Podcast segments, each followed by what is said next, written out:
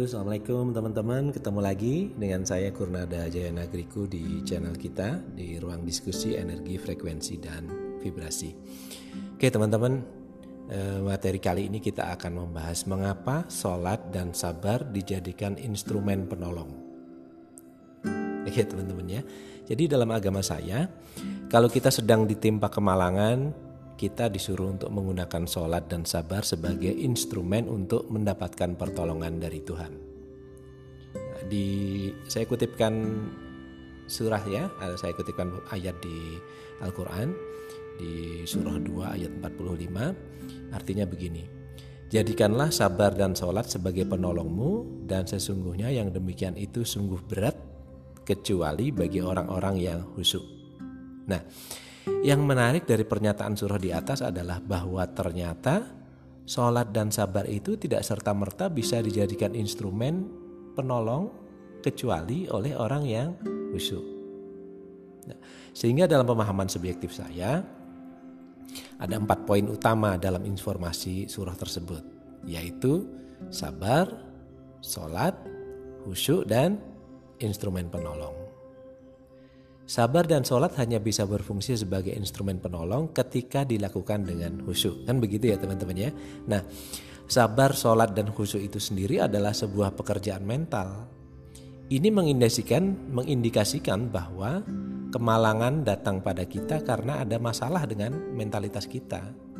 Mental yang bermasalah biasanya disebabkan oleh meningginya ego kita dalam bentuk apa pun. Misal, ego ingin menguasai orang lain, ego ingin dihargai orang lain, ego ingin lebih dari orang lain, ego ingin diwah orang lain. Wah pintarnya, wah cantiknya, wah kayanya, wah, wah, wah, dan sebagainya dan sebagainya. Nah, berasal dari ego-ego ini yang ujung-ujungnya adalah keinginan untuk dianggap oleh makhluk. Maka timbullah berbagai emosi yang tidak memberdayakan Misal kalau keinginan kita tidak dilaksanakan orang lain, kita marah. Kalau kita tidak diperhatikan dan dihargai oleh orang lain, kita tersinggung, kemudian marah lagi, menyombongkan diri. Kalau orang lain tidak mengikuti kemauan kita, kita tersinggung lagi, sedih, dan kemudian marah. Kalau orang lain yang kita cintai misalnya tidak dalam kendali kita, kita takut, kita sedih, dan ujung-ujungnya marah. Teman-teman, ketika orang yang kita cintai meninggalkan kita, maka kita menjadi sedih berlebihan. Jika tidak bisa menguasai sedih berlebihan ini, maka emosi apatis akan muncul. Hidup segan, mati tak mau. Lama-kelamaan akan muncul perasaan tidak berguna dalam diri kita, dalam diri kita. Kita merasa hidup kita tidak berguna dan ujung-ujungnya ada keinginan untuk mati saja alias bunuh diri. Si jadi semua konteks kemalangan dalam perspektif subjektif si penderita berpotensi mendrain emosi-emosi positif atau atau melarutkan emosi-emosi positif, mengurasnya dan kemudian meninggalkan sampah-sampah emosi negatif yang terus menggerus hingga posisi kematian tiba. Serem ya teman-teman ya. Nah, dalam konteks ini Sabar, sholat, dan khusyuk itu berat bagi orang yang sedang melekat kuat dengan egonya itu tadi. Karena sabar, sholat, dan khusyuk itu adalah path of surrender, adalah uh, alur kita berserah. Adalah langkah-langkah kembali padanya, berserah menyerahkan diri padanya. Imam Ghazali menjelaskan sabar adalah kesanggupan mengendalikan diri ketika hawa nafsu bergejolak dan syahwat datang menggoda. Nafsu dan syahwat adalah ciri khas keberadaan ego. Ego tentu saja tidak selalu negatif kan teman-teman ya. Namun kali ini kita tidak akan bahas masalah tersebut. Nah, saya akan bahas masalah sholat. Ini dari sisi bahasa saja ya teman-teman ya. Kita uh, membahas yang ringan-ringan saja. Sholat secara bahasa berarti doa.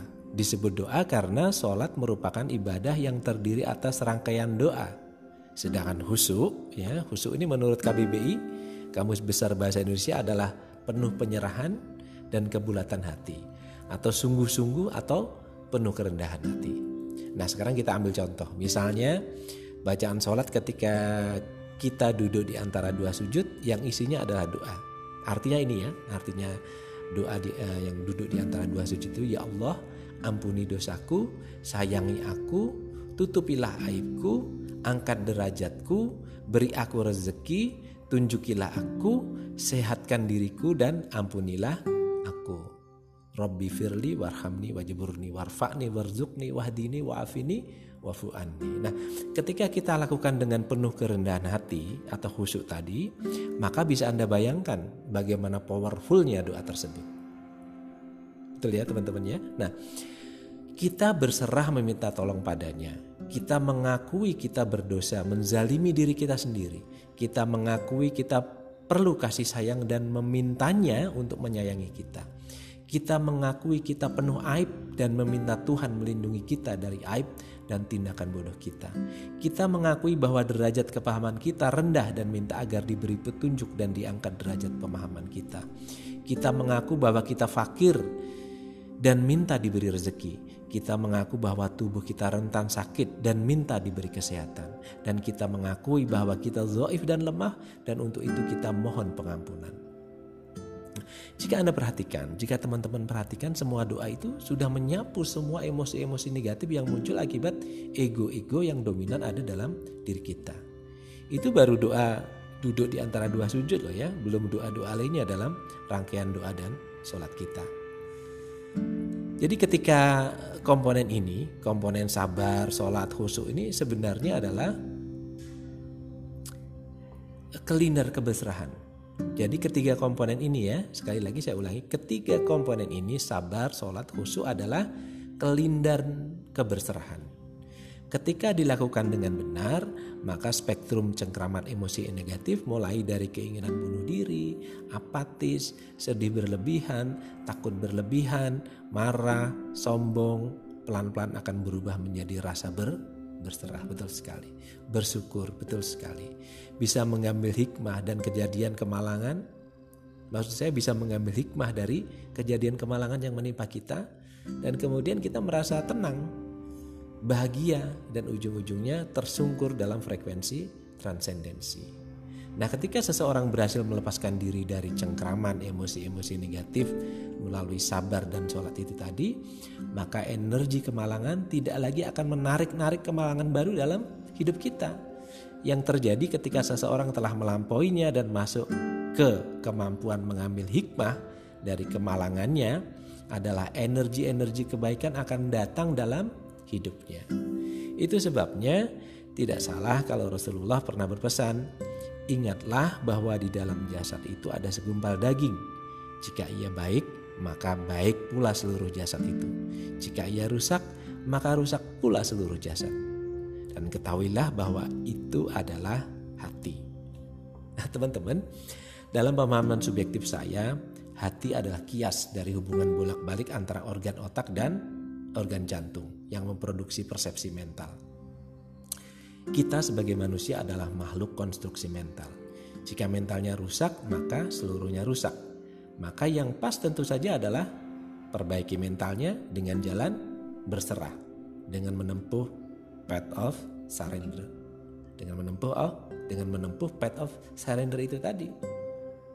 Sampai terpelilit ya lidah saya. Jadi Cara memperbaiki mentalnya adalah dengan jalan berserah dengan menempuh path of surrender itu tadi. Sabar, berdoa, berserah. Itu sebabnya kenapa sholat dan sabar dijadikan sebagai instrumen penolong. Begitu ya teman-teman ya. Baik, saya rasa materi kali ini cukup sampai di sini dulu. Mudah-mudahan bermanfaat buat Anda dan tentu saja saya berharap ini bermanfaat buat saya. Justru yang menyampaikan ini, saya hanya perpanjangan saja dari ide-ide yang sudah teman-teman sampaikan. Terima kasih sudah membersamai saya, membersamai saya sampai uh, saat ini dan mudah-mudahan kita nanti ketemu lagi di materi-materi berikutnya yang jauh lebih baik dan lebih menarik. Assalamualaikum warahmatullahi wabarakatuh.